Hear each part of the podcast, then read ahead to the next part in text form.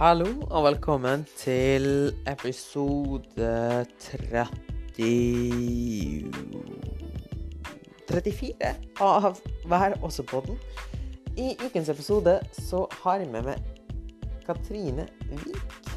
Um, og hun har et utrolig spennende prosjekt som kalles Heia PT på blå resept.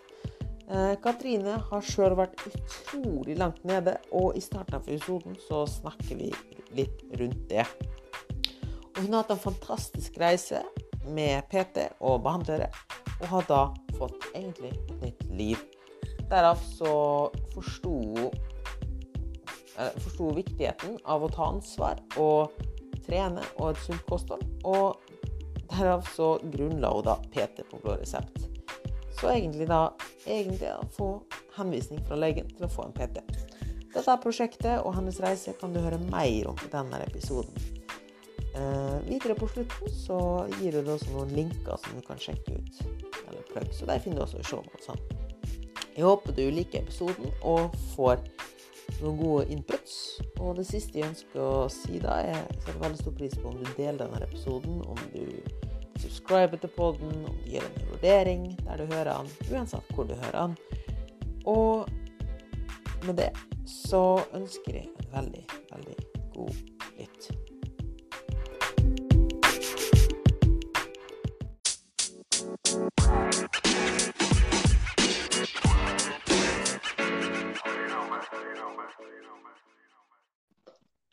Se der, ja. Halloen. Hei. Hører du meg greit? Ja. Perfekt. Hører Nå du meg? Absolutt. Uh, prøv, prøv gjerne å ha uh, munnen litt lenger unna mikrofonen. Det kommer sånne blåselyder. Ja. Perfekt. Uh, nå kommer det kleine øyeblikket der vi må late som at vi aldri har snakka før, og du skal introdusere deg sjøl. Ja. Så Men Hva vil du at jeg skal si, da? Nei, bare fortell litt om deg sjøl, hvem du er, og hva du driver med, og hva du brenner for. Ja. Så bare sett i gang. Hvem er du, og hva gjør du? Jeg heter Katrine, bor på Hamar, er 40 år. Begynte med trening for tre år siden, da jeg egentlig sto i et sånn veiskille mellom høyre og venstre. Skal jeg bli uføretrygda eller gjøre noe med livet mitt? Så da valgte jeg det siste. Og ja, det er jeg egentlig veldig, veldig glad for. Eh, som har lært meg mye, og som i dag gjør at jeg brenner for PT på blå resept. Ja, for det må jo Det tar vi opp litt seinere, fordi du må huske at folk som hører dette her, de har jo ingen kontekst. Nei. Eh, Men beklager for at jeg avbrøt det. Eh, Det var starten på en reise, sa du? Hva sa du? Det var starten på en reise, sa du? Ja, det var starten på en reise med å ta vare på min egen helse, høre på hva legene mine har sagt hele veien, eller om jeg skulle prøve å gå mine egne veier.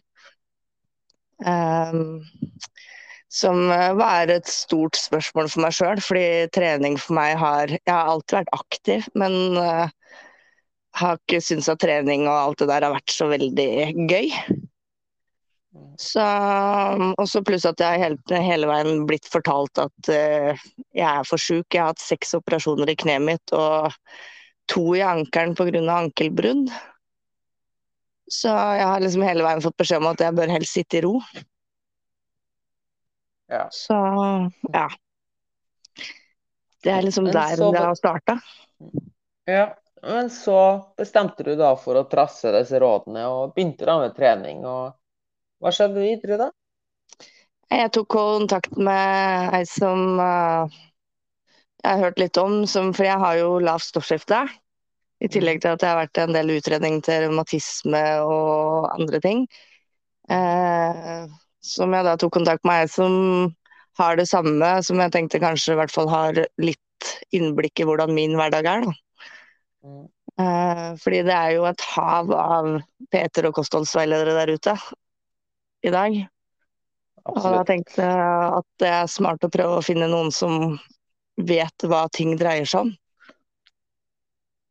Så da mm, valgte jeg først å starte med ei som heter Tonje, og valgte online eh, coaching på det. Som eh, gjorde at jeg gikk ned 14 kilo på tre måneder og fikk en ordentlig kickstart. Da. Ja, det hørtes veldig bra ut. Ja, men det stagnerer jo. Det er jo ikke Det er Ja, ikke bare absolutt. Absolutt. Så um, det var en sånn start, og så valgte jeg da etter hvert å få en PT på senteret jeg trener i dag. For å få mer veiledning i forhold til trening og av at jeg har disse kneoperasjonene og alt det der. Mm. Um, så da har jeg hatt det i ganske lang tid. Og da har jeg jo sett helsegevinsten, både mentalt og fysisk. Hvordan kroppen min responderer, hvordan jeg får det i hverdagen. Ja, fordi du var veldig, veldig, veldig langt nede for bare fire år siden. Ja. Mm. Da var det liksom Jeg fikk jo hele tiden beskjed av legene at dette kan du ikke, dette kan du ikke gjøre, og eh, ja. Og da blir du jo inn i en sånn ball at du sitter og spiser og syns synd på deg sjøl. Du blir jo på mange måter et offer, absolutt. Ja. Uh, og jeg har jo snakka tidligere med Jennifer om dette her, om, om å velge å ta offerrollen, eller å velge Mm. å gjøre noe med det. Fordi vi Mm. har alle Det er helt klart at vi alle har ulike kort eh, å forholde oss til. Vi har alle ulike kort fra kortstokken, men det er vi sjøl som legger korta. Ja, så er det jo vi sjøl som på en måte må ta ansvar for oss selv. Vi kan ikke legge det ansvaret hos andre. Absolutt. Men selvfølgelig, man trenger en dytt i ræva, for å si det rett ut. Det trenger man. Absolutt. Absolutt. Um, men kan ikke du bare forklare litt om hvordan situasjonen Bare for å gi litt, litt kontekst. Hvordan situasjonen din Altså uh, hvordan situasjonen din var for bare fire år siden, og hvordan den er akkurat nå. Da sånn i korte trekk. Ja. Jeg var jo mer eller mindre sykemeldt hele tiden. Jeg var sånn av og på, inn og ut hos legen, masse blodprøver. Ja, eh, generelt veldig dårlig fysisk stand, da. Når Og starta det der ut Beklager. Nei, og mentalt. Du blir jo mentalt eh, dårlig av å hele tiden bli fortalt at du er syk. Absolutt. Det stemmer. Når var det alt dette starta å utvikle seg? Nei, altså jeg har jo litt sånn Jeg stoppa jo veksta mi når jeg var 16 år, for jeg skulle egentlig vært 1,96 høy. Mm. Jeg var med på en uh, reise der jeg ble satt på hormoner, fordi vi jenter vi vokser jo etter menstruasjon, sier de jo at det er 10-12 cm. Mm. Så jeg fikk framskynda menstruasjon og alt det der for å stoppe veksta.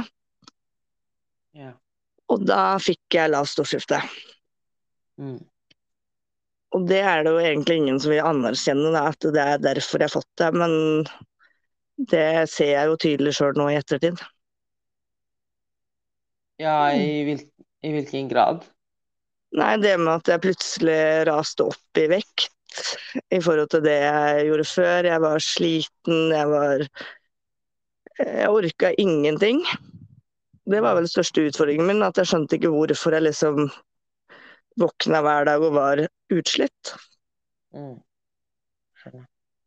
Så, så jeg hadde store Og så jeg hadde store smerter under menstruasjon. Jeg hadde feber. Ja, det meste egentlig. Men det var aldri noe som på en måte tenkte at det kunne være mye hormonelt også. da. Som vi jenter, som jeg har lært meg det siste året, har en stor innvirkning for mange. Og forskning er fortsatt på lang vei å gå på forskjellen på menn og kvinner. Ja, det, altså, det er jo helt latterlig. I hvert fall nå etter at jeg sjøl har liksom begynt å sette meg inn i det. Og Eh, nå er det jo ikke så lenge siden, det er vel kanskje bare fire måneder siden at eh, min coach i dag prøvde å si at kanskje du skal gå til legen og ta noen hormonprøver. Mm. Fordi at jeg hele tiden trodde at det er stoffskiftet som egentlig har vært problemet mitt med at jeg får disse lave periodene. Mm.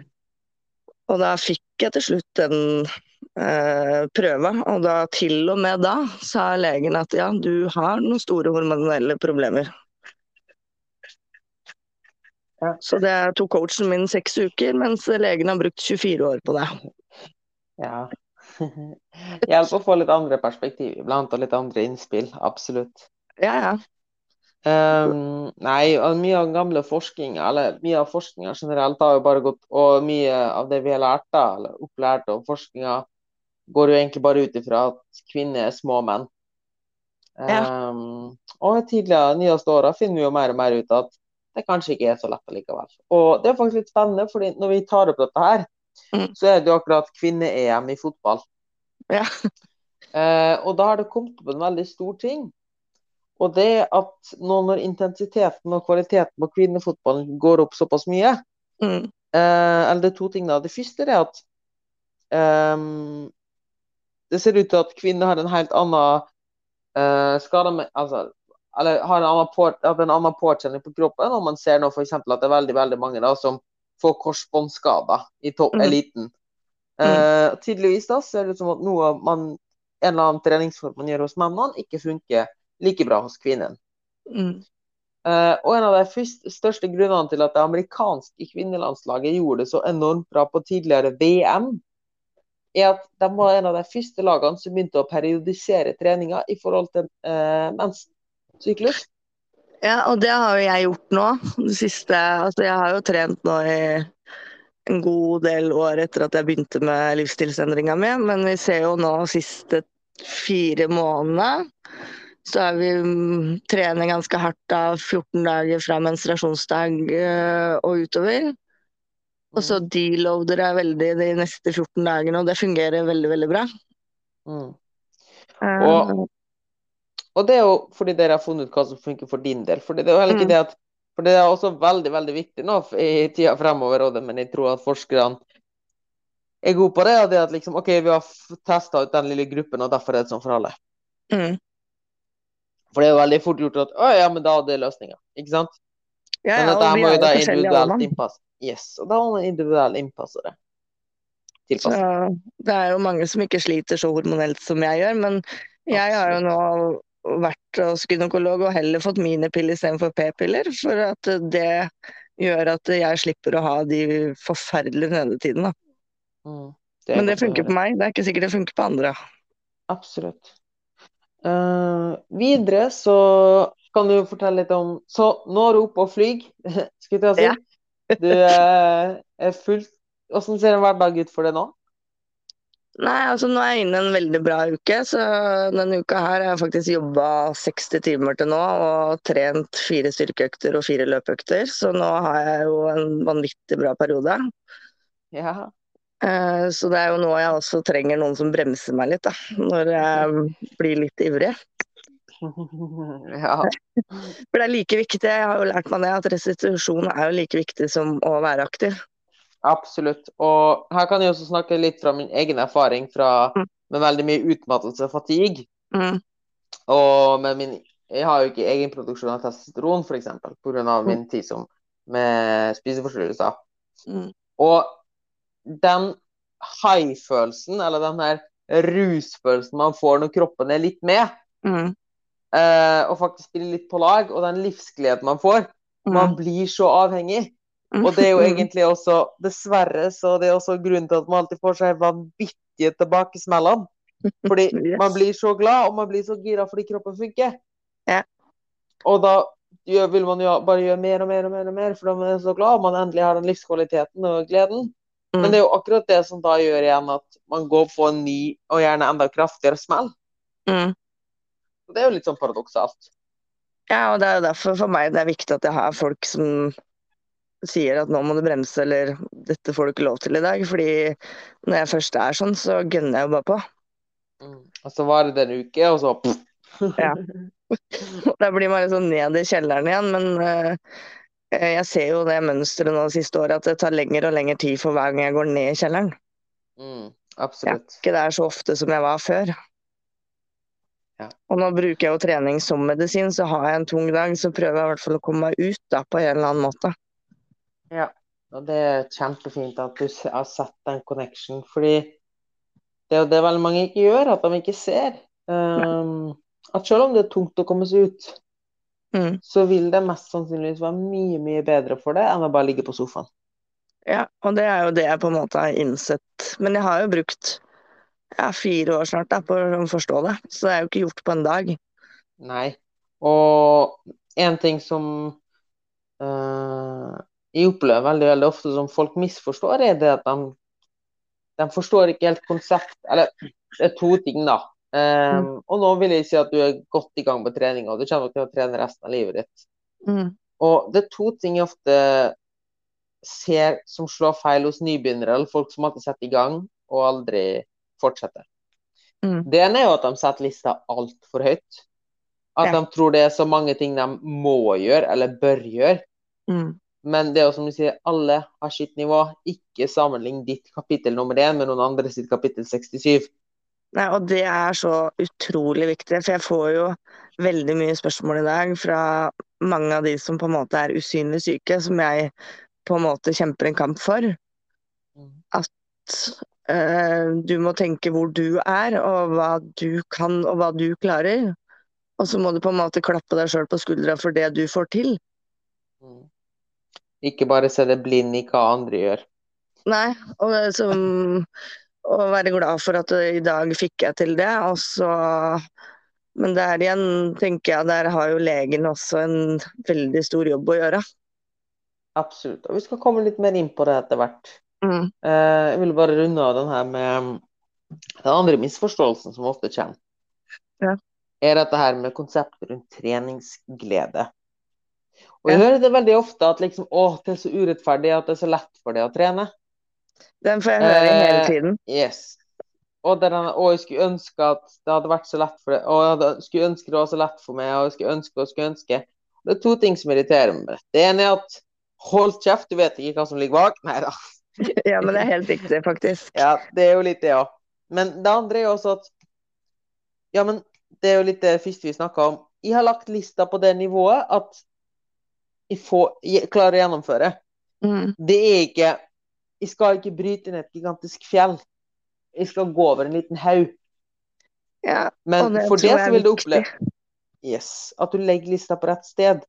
Fordi det vil aldri bli sånn at det er gøy å trene. Altså Selvfølgelig vil det være økter der man tenker dette her var en god økt, eller det var kjempegøy nå i etterkant, eller dette her var en sykt morsom økt en gang iblant. Mm. Men det er ikke disse øktene som er hverdagen. På ingen som helst måte. Det er kanskje 10 vil jeg si. Mm. Jeg vil si at 10% av økten er skikkelig bra. 30% av økten er skikkelig dritt. Ja. Og 60% er sånn meh. Og det å forstå at det er, handler ikke om treningsglede, men det handler om å legge lista på et sted der det er helt OK å sette i gang. ja, og så er det det at du må på en måte er, For meg så har det jo blitt en rutine. Men den Absolutt. har jo tatt mange år før jeg har skjønt at det må bli en rutine. Mm. Og Og alle rundt meg nå tror jeg er gæren, fordi de bare, som jeg sier, nå må jeg trene. Og så, ja, men du må ta deg også litt fri. Så sier jeg, men hvis jeg ta, går bort fra dette her nå, så detter jeg ut. Jeg blir jo møtt med like sjokkerte øyne hver gang når folk spør Ja, men skal du trene i ferien? Ja. Så ja, i ferien har jo bare meg tid til å trene. Ja, altså, jeg var jo i Spania i uh, juni, og jeg har vel aldri tatt med treningsklær i kofferten før. Ja, velkommen til klubben. Ja. Men det er liksom uh, Ja, nei, altså for meg har det blitt eh, medisin, og det er jeg så glad for at jeg har kommet til det punktet. Men jeg skjønner de som står i startgropa, for jeg har vært der sjøl. Mm. Men du har tatt en connection, eh, og det bringer meg inn på det siste punktet, før vi skal gå litt inn på ditt prosjekt. Mm. Og det at folk flest ser på trening som straff. Ja. De ser på det som noe de må gjøre for å forbrenne kalorier eller andre ting. Mm. Hvis man da heller hadde sett på trening, som du sier, som medisin, Mm. eller som en måte å feire kroppen på hva den får til, Mm. da hadde det vært så mye lettere å komme i gang òg. Fordi når du ser på trening som straff, og så tenker du også at det skal være jævlig og da- teit og dritt. Og ingen Mm. vil jo frivillig straffe seg sjøl, med mindre du har en veldig rar fetisj. Nei da, det er ikke en rar fetisj. Alle folk får gjøre det de vil, egentlig. Så lenge de ikke skader andre med det. Ja. um, men hvis du ser på trening som straff, så vil det også aldri være noe du ønsker å prioritere. Nei. Uh, og da vil du heller ikke få tid til å trene. Så det er jo den onde sirkelen at det starter i hodet. Hvis, du ser på trening som straff, vil du prøve å finne alt du kan av unnskyldninger for å ikke måtte gjøre det. Og dermed vil du også nedprioritere og dermed vil du heller ikke få tid til å trene. Mm. For med en gang du ikke ser på det som straff, men ser på det som en belønning, eller ser på det som trivsel, eller ser på det som medisin, forstår den connection, at du gjør det for å, for å bygge opp kroppen din, ikke for å bryte ned det sjøl, Mm. og du får mestring av det, så vil du også ha lyst til å gjøre det, for det er en belønning. Og det du har lyst til å gjøre, vil du også prioritere, og dermed vil du også få tid til å gjøre det. Mm. Men der spiller også kosten veldig inn, da, tenker jeg. Sånn, det også har jo vært en utfordring for meg de siste fire-fem åra, å legge om den. Absolutt. Men der er det akkurat det samme med kostholdet. Mm. Eh, det er at hvis man ser på det å gå på en diett, eller endre kostholdet sitt, som en straff Mm. Nå må jeg ta grep, nå må den skroten her slanke seg, eller et eller annet sånt. Mm. Da vil man alltid lete etter unnskyldninger for at hvorfor det ikke går. Hvorfor man ikke kan ta gode valg. Hvorfor Mm. man ikke kan gjøre ditten, hvorfor man ikke kan gjøre datten. For det er ikke noe man har lyst til å gjøre. Hvis man forstår det Å ja, hvis jeg spiser på denne måten, ikke bare føler meg bedre, men kanskje ikke til med har lyst på den og den tingen. Jeg får ikke Mm. de syke cravingsene, har mye med balanse. Så har man jo så lyst til å spise på den måten. Nei, det er kjempeviktig, for jeg veit jo sjøl når jeg starta med dette, at jeg likte jo ingenting som var på en måte sunt. Mm. Og når jeg kom hjem fra Spania nå i juni, så lengta jeg etter havregrøten, noe som jeg og bær, som jeg egentlig absolutt ikke klarer å få i meg. Men, eh, og da tenker jeg, da må jeg begynne å se gleden i det. Og så tenker jeg, det er jo litt morsomt å tenke på at jeg har brukt eh, tre år på å lære meg det, men eh, ja, vi er mennesker, da. Absolutt. Eh, du nevnte litt tidligere dette her med usynlige sykdommer, og litt for dette som trening som medisin, og nå har vi jo snakka litt om denne forståelsen. Og jeg Mm. tenker egentlig at det er en fin, fin segway til å gå litt inn på hva du brenner ved ved siden av din egen Mm. trening og din Mm. egen kropp. Og, Ja, altså, det, ja. ja, nei, fortell. Nei, men altså, jeg har jo sett viktigheten med det å ha med meg en på laget, som på en måte har pusha meg når jeg har vært langt nede, eller har hjulpet meg når jeg har syntes at ting har vært vanskelig eller ikke forstått det, eller For det er jo mye man ikke forstår når man setter i gang med dette, og så er det så mye på en gang som bare OK, hvor skal jeg begynne, hva skal jeg begynne med?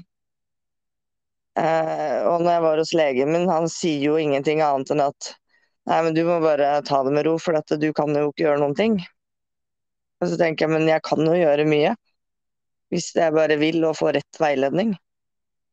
Og det er jo det jeg har erfart nå de siste åra, at hadde ikke jeg på en måte lagt ned den jobben, jobba doble skift da, for å kunne ha en personlig trener med meg på lasset, så hadde jeg jo ikke vært der jeg er i dag.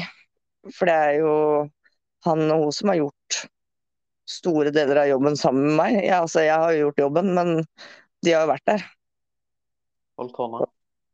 Og det gjør jo at jeg brenner for at andre i min situasjon skal få lov til å få samme opplevelsen og gleden som jeg har fått i dag. Mm.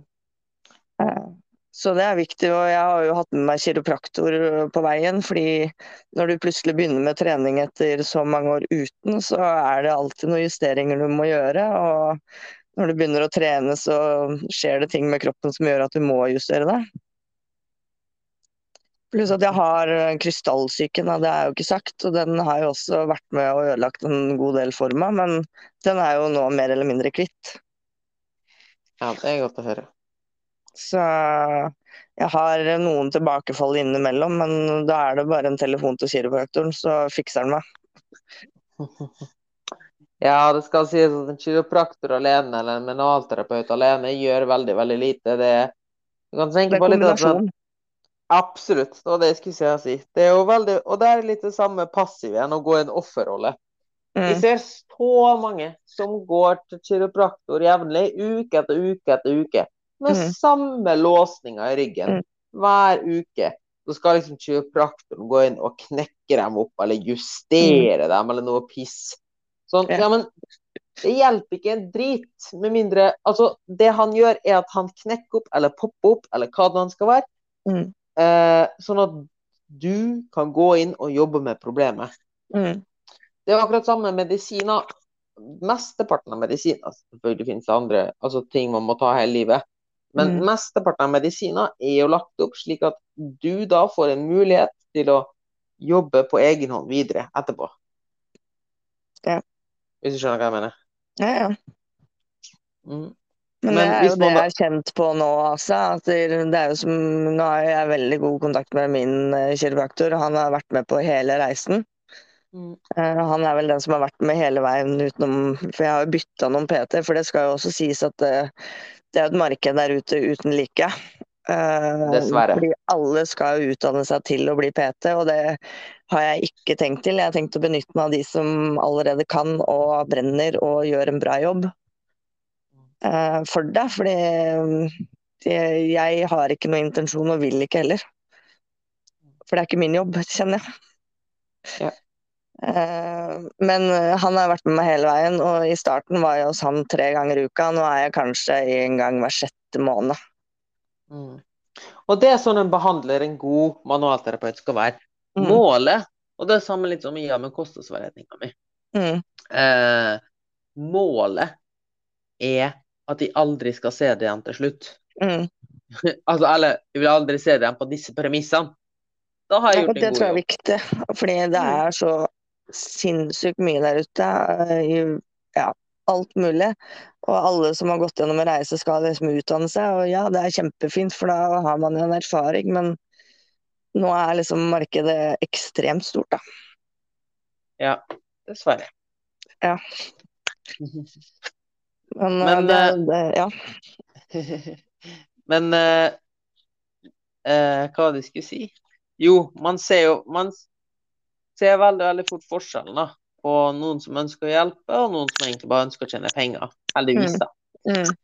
Um, men det var ikke helt det vi skulle snakke om. Vil du høre litt på hva er det egentlig du har gjort? Eller hva er det du har som prosjekt? For det har du ikke fortalt. Nå har du bare gått rundt det. Nei, altså jeg brenner jo veldig for eh, PT på blå resept, fordi jeg tror Mm. det eh, Det er en viktig brikke for veldig mange å komme seg hva- tilbake. Hva betyr PT på blå resept? Nei, altså istedenfor at man kanskje får medisiner eller uh, Ta eksempel de som skal gå ned i vekt, da, som får Nå er jo det så veldig inn å få den der Sanexa-sprøyta. Ja. Eh, som jeg Ja, den er en fin kickstart for mange, men jeg tenker dette er noe du skal leve med. Det, det er ikke noe som er en quick fix, og jeg er så drittlei alt som heter quick fix. Ja. Fordi det er en livsstil som du har tenkt å leve med når eh, du kanskje klarer deg litt på egen hånd. Absolutt. Eh, og Derfor så er det så viktig at der, Altså, eh, jeg forstår og jeg har full forståelse at leger kan litt om alt, og de kan på en måte ikke følge opp alle, men da må man også bruke nettverket rundt på de som kan den jobben. Mm. Fordi det du mener er jo da at PT skal bli akkurat sånn som f.eks. fysioterapeut eller psykolog og slike ting. At man kan få det via legen sin på resept, ikke sant? Ja. Som en tjeneste. Ja. Mm. Um, og det du nevnte med leger, er noe jeg ser som dessverre går igjen veldig mye. Mm. Og det er jo det at leger er autorisert helsepersonell på alle som helst måter. På godt Mm. og vondt. Mm. Det betyr at veldig mange har en veldig høy forventning til legene sine. Igjen på godt og vondt. Ja, men legen sa, men legen sa, men legen sa. Mm. dessverre er ikke alle leger bevisst over hvor mye makt de faktisk har. Nei, Det vil si at når de. Mm. Fordi når de kommer med godt mente råd og anbefalinger, så vil veldig mange lese dette her som fakta. Mm. Men det som er med mesteparten av allmennleger, ikke spesialister, men det er også litt der, det er at det er allmennleger. De kan litt om alt. Mm. Den kunnskapen skal de egentlig, slik som systemet er satt opp, bruke til å vite hvor skal jeg henvise denne personen videre. Ikke sant? Fordi hvis du har litt kunnskap om alt, vet du hvor du skal putte den til neste seksjon.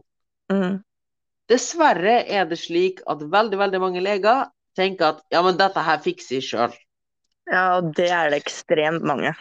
Yes. Og problemet kommer jo da at når du sitter som pasient, og du har den oppfatningen legen min kan alt, for det er jo Mm. slik mange tenker, dessverre, Mm. og da legen sier eksempel Nei, bare slutt å spise redusere øh, øh, Reduser mengden karbohydrat du spiser, så går dette kjempebra.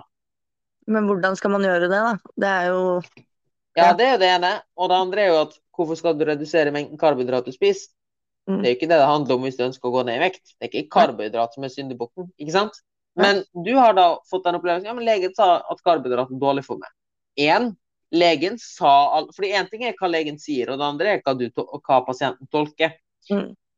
Uh, og det andre er jo det at Så en, legen sa aldri at karbohydrat er grunnen til at du legger på det. Han sa bare som et godt ment råd at det kan lønne seg å spise mindre karbohydrat. mm. Så det er jo hvordan du, hvordan du tolker det. Og det andre er jo at veldig mange leger også kommer, lener seg altfor langt av vinduet. Og vel, spesielt eldre leger har ofte en utdanning fra 20-30 år siden, og Mm. hviler fortsatt all utdanninga si på disse laurbærene. Eh, I stedet for å utvikle seg videre. En god lege vil analysere situasjonen, og så henvise det til den spesialisten trenger å gå til. Og anerkjenne og kunne si at ja, men dette her vet jeg ikke. Nei, Og det er helt fair, tenker jeg. Det er fair å Ja. si at dette kan jeg ikke, så jeg vil heller anbefale videre. Absolutt. Det er sånn det skal være. Og det er sånn det burde være, liksom. Og jeg er veldig takknemlig for han legen jeg hadde for fire år siden, som jeg egentlig har som fastlege i dag også. Han, han har begynt å høre på meg, for han skjønner at jeg virkelig vil. Altså, det jeg kan si er at jeg har jo hatt en forhøya CRP siden 2009. Mm. Den har ligget på 35 stort sett gjennom hele veien, og nå siste måling i mars så var den ned på 6. Og det er kun pga. kost og trening. Det er veldig bra. Eh, og Ja. da fikk jeg faktisk melding fra legen at fortsett den jobben du gjør, for jeg ser at det er riktig for deg. Det er viktig Og det er kjempebra, men så blir det frustrerende for at jeg må jobbe doble skift for å på en måte ta vare på min egen helse. Ja. Og det syns jeg er urettferdig. Absolutt. Når da andre um, Nå skal jeg ikke tale med en kam, men Nei, det er jo veldig mange som får veldig, veldig mye fra Får Mm. veldig mye fra Helse- Helse-Norge uten å egentlig gjøre ja, en jobb. og det er det jeg er opplever. Ja, og det gikk å stikke under en stol at veldig, veldig mange som går på trygd, f.eks., eller får noe medisin eller et eller annet sånt, Mm, mest sannsynligvis kunne vært fullt funksjonelle i arbeidslivet mm. hvis de hadde tatt eget ansvar. Men Ja, selvfølgelig så er det mye lettere ja. Men selvfølgelig så er det mye lettere å gå i den offerrollen. Og slik Helse-Norge er bygd opp per dags dato, finnes det ingenting du kan få på resept Nei.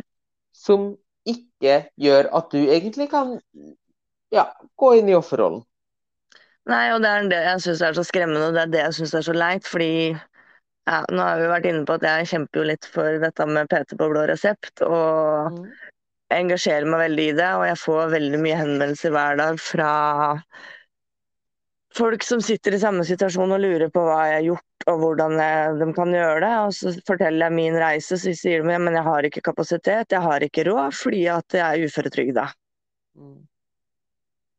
Og så tenker jeg ja, og jeg forstår den, og jeg har full forståelse for den, men eh, jeg også kunne vært uføretrygda hvis eh, jeg ikke gjorde noe for eh, de åra siden. Men det handler om at du må ta ansvar for deg sjøl. Vil du heller bruke penger på helsa di, eller vil du bruke penger på dårlig mat og dårlige ting i livet ditt? Ja, og vi var jo inne på dette her, hvor, eh, at man får ofte medisiner og slike ting. Og mm. hvor mye penger sannsynligvis Helse-Norge hadde spart da, Mm. Og nettopp gi PT på blå resept. Fordi da må folk begynne å ta eget ansvar og forståelse, få forståelse for det. Men det som er viktig, da, som jeg sier når det gjelder PT på blå resept og sånn, for det første så må det være en øh, base for PT-er, så ikke hvem som helst kan gjøre dette. For at på grunn av, som jeg har sagt tidligere, at det er et marked som er sjukt stort. Absolutt. Så det, det må på en måte være en eller annen form for ja, jeg vet ikke, eh, tester eller et eller annet for at du skal på en måte bli godkjent for å være med i den ordningen. Ja, et reguleringssystem. Fysioterapeuter har det også. Du må Ja. ha jobba så og så lenge og vise den, den, den utdanninga. Du må ha så og så lenge i praksis før du kan bli sertifisert som fysioterapeut i Norge. Ja. Og det er liksom Den er veldig viktig å få med seg, da, for jeg brenner jo ikke for at hvem som helst skal få lov til å drive med dette. Ja, Det må og, være folk som brenner for dette, og kan dette og forstår dette. mm, og det er jo også mye av grunnen til at For du har jo snakka mye om dette her med pris. Mm. Um, og det er nok mye av grunnen til at folk ser på ja, men det med PT, det er så dyrt. Mm. Fordi de har vært hørt eller sett eller opplevd så mye piss. Og selvfølgelig hvis det er en eller annen kar som tygger tyggis og bare teller noen repetisjoner og så vidt ser på meg som person, og bare labre ned et eller annet treningsprogram, og kanskje ha hatt et eller annet kurs et eller annet sted på en øy, jeg kan Mm. ikke si noe mer, um, og egentlig bare gjør det sånn ved siden av og ikke brenner for det, og ikke engasjere seg for det, Mm. så tenk sånn eh, Skal jeg betale 500 kroner timen for dette her? Mm. Det er ikke rart at det kommer. Men hvis du får en person som ser det som person, som bruker masse tid på fritiden på det, på å te tenke på en program, Mm. oppfølgingsmeldinger, Mm. tilpasse, er der en støttespill hele veien, sånn Ja, selvfølgelig betaler jeg 500 kroner for dette. Ja, så er det litt sånn fordi det jeg merker på de som henvender seg til meg, er at bare det at jeg sier 'bra jobba' eller klapper dem på skuldra, så blir de så glad. Mm. Det er så lite som skal til for å løfte dem til at de går ut og tar og går den turen som de skal. Da. Mm. Og da tenker jeg liksom ja, istedenfor å få medisiner, så må vi tenke litt annerledes. Absolutt. Eh, Eh, ja. Mm. Hva er visjonen din fremover, da? Hvordan ønsker du å bygge opp dette her med PT på blå resept? Og har du noen, lagd noen planer om hva du ønsker? Eh, nå har det liksom blitt kasta litt over meg og blitt litt større på kortet igjen. Jeg på en måte meg. Fordi det er mange som engasjerer seg, som er enig, og, men det er veldig mange som syns det er tøft å stå fram og snakke Mm. om det og snakke om sine problemer. Mhm. Og det forstår jeg, for det, kan nok, det er ikke alltid like gøy å prate om seg selv eller ja, sånne ting. Men eh, jeg håper jo at uh, Nå er det en del som har hatt lyst til å dele sine historier og opplevelser i forhold til det med å ha hatt PT, eller hva det kunne ha gjort for dem hvis de hadde fått det. Ja. Uh, og, så jeg håper jo på en måte få flest mulig historier som vi kan trykke på inn mot Helsedirektoratet. Jeg har jo sendt Og- en del henvendelser inn til Helsedirektoratet, men jeg har ikke fått noe svar ennå. Det tar nok sin tid. Forresten, det vil jeg bare si at hvis du lytter, eller hvis du generelt bare hører noen Nå bryter liksom tredje eh, The third wall, som det heter så fint. Men hvis du har en historie du vil dele, du som lytter, eller du kjenner noen som vil dele historie, så er du hjertelig velkommen til å være gjest her hos meg. Og ja, spre din historie og din stemme og dine meninger. Viktig. Sånn. Skulle måtte bare få sagt det. Ja. Ja, men det er kjempeviktig. Ja, du For hvis ikke vi tør å si fra og fortelle om det, så blir det heller ikke gjort noe. Mm. Absolutt. Men ja, du hadde sendt inn noe til Helsedirektoratet. Ja, hvor jeg har da skrevet litt om min situasjon i forhold til at jeg kanskje hadde sluppet å gått gjennom veldig mye hvis jeg hadde blitt henvist mye tidligere, fått uh, veiledning mye tidligere. Mm. Uh, og det med at det er så mange som sitter der ute som egentlig vil. For det har jeg en opplevelse at det er så sinnssykt mange der ute som har kjempelyst til å begynne å bevege seg. Men de tør ikke, de er redde. De er redde for å gjøre feil, og det vet jeg alt om, for jeg var ikke høy i hatten første gang jeg gikk, gikk inn på et treningssenter. Men i dag så bryr jeg meg ikke så mye om det, for jeg har lært meg til at alle går i sin egen verden når man er der. Og det er ingen som bryr seg egentlig om hva du driver med. Men jeg har full forståelse for de som syns det er tungt. Mm. Eh, og man må ikke være på et treningssenter heller. Det er Absolutt viktig å presisere. Ja, absolutt ikke. Um, jeg tenker at Vi har jo snakka litt om dette med helsevesen og sånne ting. Og det er nok viktig å presisere at det er jo ofte ikke verken leger eller fysioterapeuter eller kiropraktere eller sånn sin feil, men det er jo mye om hvordan hele systemet er satt opp. Mm. Fordi veldig mange leger har totalt sprengt kapasitet. Mm. De har faktisk per definisjon ikke tid til å sette seg ned med det og snakke godt om problemene dine og finne ut av det. Så da blir det fort slengt i det all hektikk blir det fort slengt noen råd, og det er mye mye raskere å bare slenge ut noen piller eller et resept å Mm. faktisk analysere personen og finne rett behandler til. Det vil ta tid. Så det er ikke meninga å liksom disse leger og tale over én sko. Det finnes både gode, fryktelig gode og fryktelig dårlige leger. Mm. Problemet per dags dato tror jeg ligger i systemet, er at det finnes, med mindre man Eller for personer da, som da f.eks. sliter med smerter eller vondter eller andre ting, så er de ofte ikke graverende eller akutte nok til å få en fysioterapeut eller en kiropraktor til å, eller behandler til å jobbe med det. Og de har da heller på det, hvor mange timer de får der da ofte, er Mm. også gjerne ikke nok til å faktisk Altså det blir ofte kun da gitt ut til én spesifikk skade, men ikke til helhetlig helse. Nei, og det er det som er litt viktig, fordi det, jeg ser hvor mye trening er gjort på min mentale helse. Det finnes ingen konkret henvisningsplan for allment det å bare ja, La oss si det få ræva i gir, da, for å Mm. si det på den måten. Mm. Fordi jeg skjønner jo godt det, legen Altså, hva skal han gjøre, da, hvis noen kommer inn som er overvektig, har lavt stoffskifte, kanskje har dårlige knær i tillegg, kan ikke um, Sliter litt mentalt også. Mm. Og så har du kun muligheten å skrive ut et resept, og så har du kun ti minutter. Eller et Mm. kvarter. Hva skal du gjøre, da? Ikke sant? Ja. Skal du gi liksom, Du kan jo ikke gi han seks forskjellige ting samtidig. Nei, og du har jo ikke muligheten til å på en måte uh, Fordi de har jo ikke tid til å på en måte se deg som et helt menneske.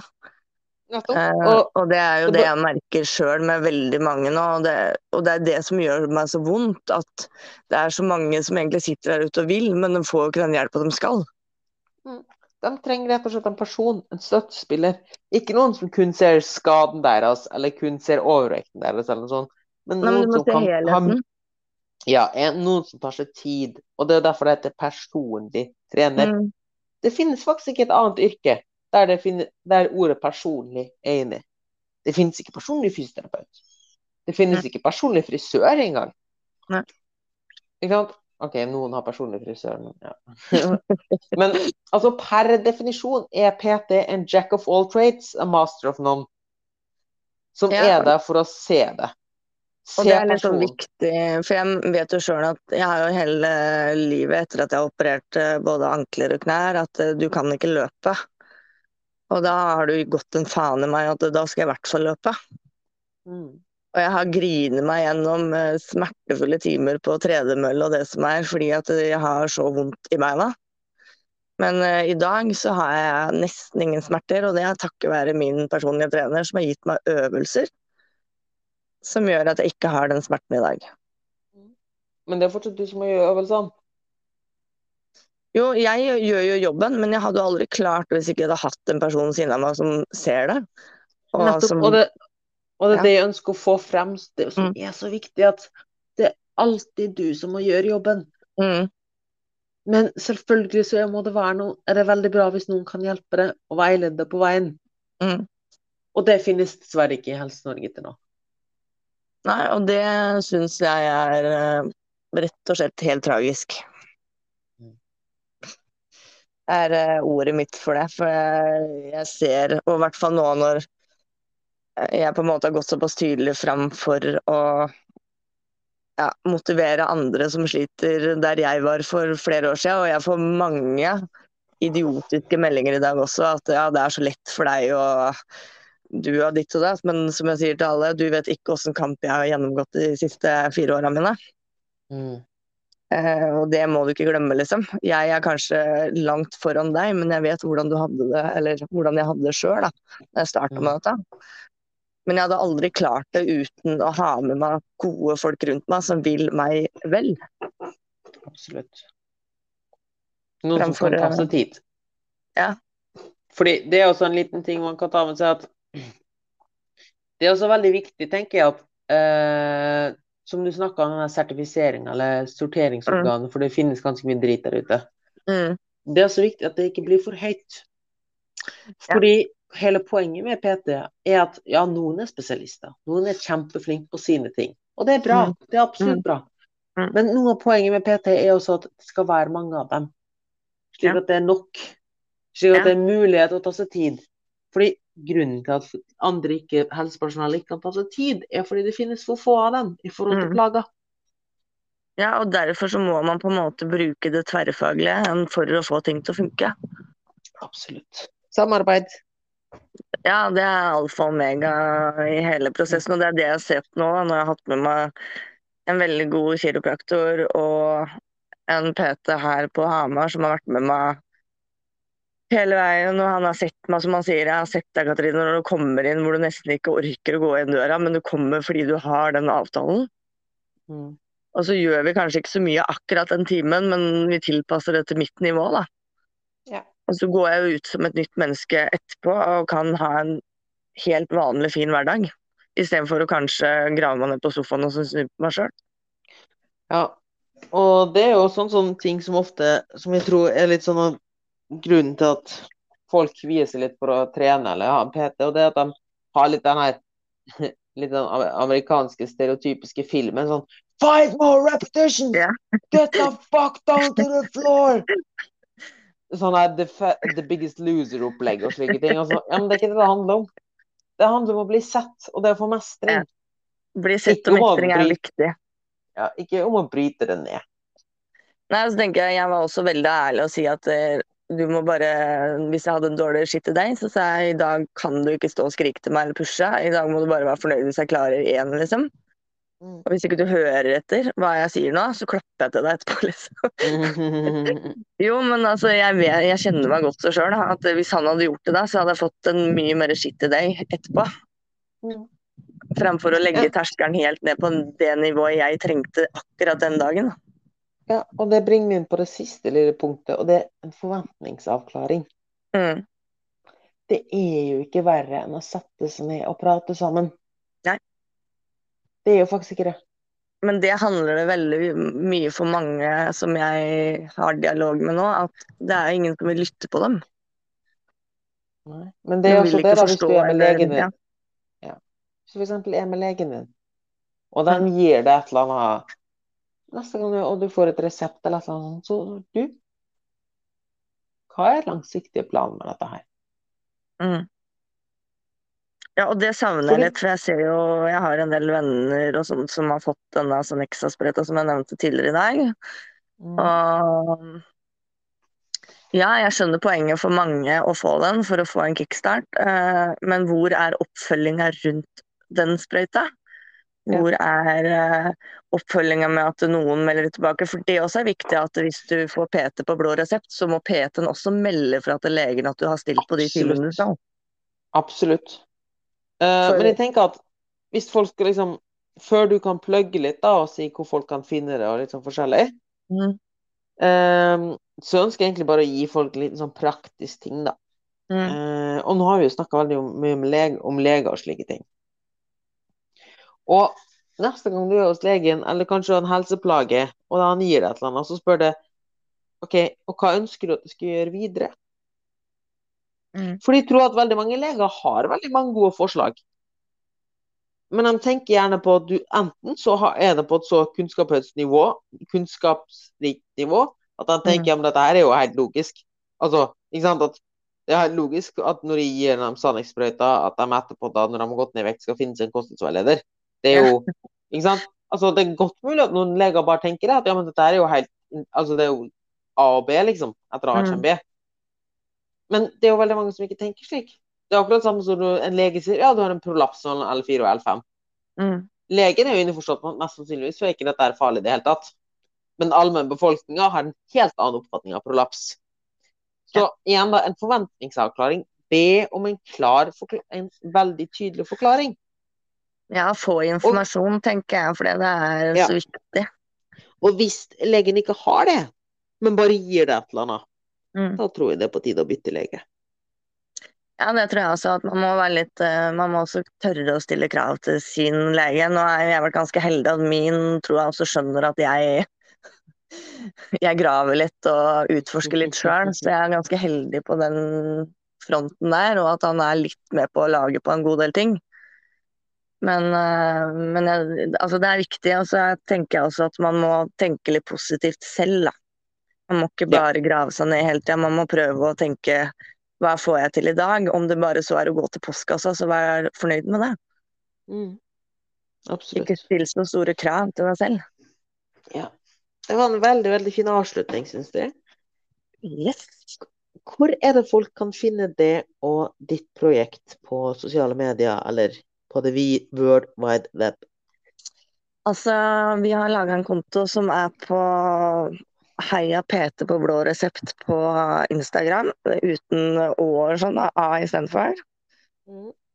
Og så har vi oppretta en snap som heter Aktiv helse, hvor alle som har lyst uh, å gjeste og vise sin hverdag, uh, er med. Ja, så flott. Uh, hvor det er alt fra ja, de som er veldig aktive, til de som ikke er så aktive. Men de ser motivasjon i å se hverandre da, på Snap, og vi klapper hverandre på skuldra og heier på hverandre. Så kjekt. Så det er veldig hyggelig. Ja, det skal jeg linke til i shownotene, så da er det bare å scrolle ned. Videre så skal jeg også linke til din private Instagram-profil hvis det går greit, så folk kan sende deg en melding hvis det skal være et eller annet. Yes. Mm. Og hvis du ønsker å dele din historie der ute med meg, eller komme på gjest i podkasten, eller generelt bare ha spørsmål, så finner dere alt dere trenger å vite nede i shownotesene. Og med det så vil jeg egentlig bare si at det var utrolig kjekt at du ville komme. Takk for at jeg fikk eh, være med. Og så håper vi at det kommer, at vi tar noen store steg mot PT på blå resept i tiden fremover. Vi heier på det i hvert fall. Absolutt. Takk for at du stilte, og ha en strålende kveld. Takk, det samme. Ha det. Ha det. Tusen, tusen takk for at du tok deg tid til å lytte til denne episoden. Jeg håper at du kunne ta med deg noen viktige punkt i det Katrine snakka om. Og kanskje du tar en tur til legen og tar en god prat med han. Eller kanskje du tar neste grep og går til en PT. Og det var på ingen måte i denne episoden meninga å disse noen som helst profesjoner. Verken PT eller leger eller noe som helst. Men dessverre så finnes det alltid sorte får der ute, og det å være kritisk til det og forstå det er utrolig viktig. Så hvis du kan ta med deg én ting, så vær kritisk og still spørsmål. Og ikke minst, ta ansvar. Til syvende og sist så er det du som må gjøre jobben. Og jeg hadde vært en idiot hvis de nå ikke hadde plugga min egen coachingtjeneste. Og det er at jeg har noen ledige plasser på både kostnadsforledning og online coaching på trening. Det er bare å ta kontakt på moritz.petservice.no. Um, ehm, og hvis du bor i Stavanger eller nærområdet, eller kjenner noen som bor i Stavanger og nærområdet, så har jeg også coachingplasser ledig på PT Service i Stavanger, på Paradis. Så der er det bare å ta kontakt for avtale en helt uforpliktende lavterskelprat. Så ser vi om vi er en god match. Eller kanskje jeg kan henvise til noen gode PTA der du bor. Så uansett, hvis det er noe du lurer på, så er det bare å ta kontakt. Og med det så er det kun én ting som står igjen, og det er å si gå og ha en awesome uke. Tudelu!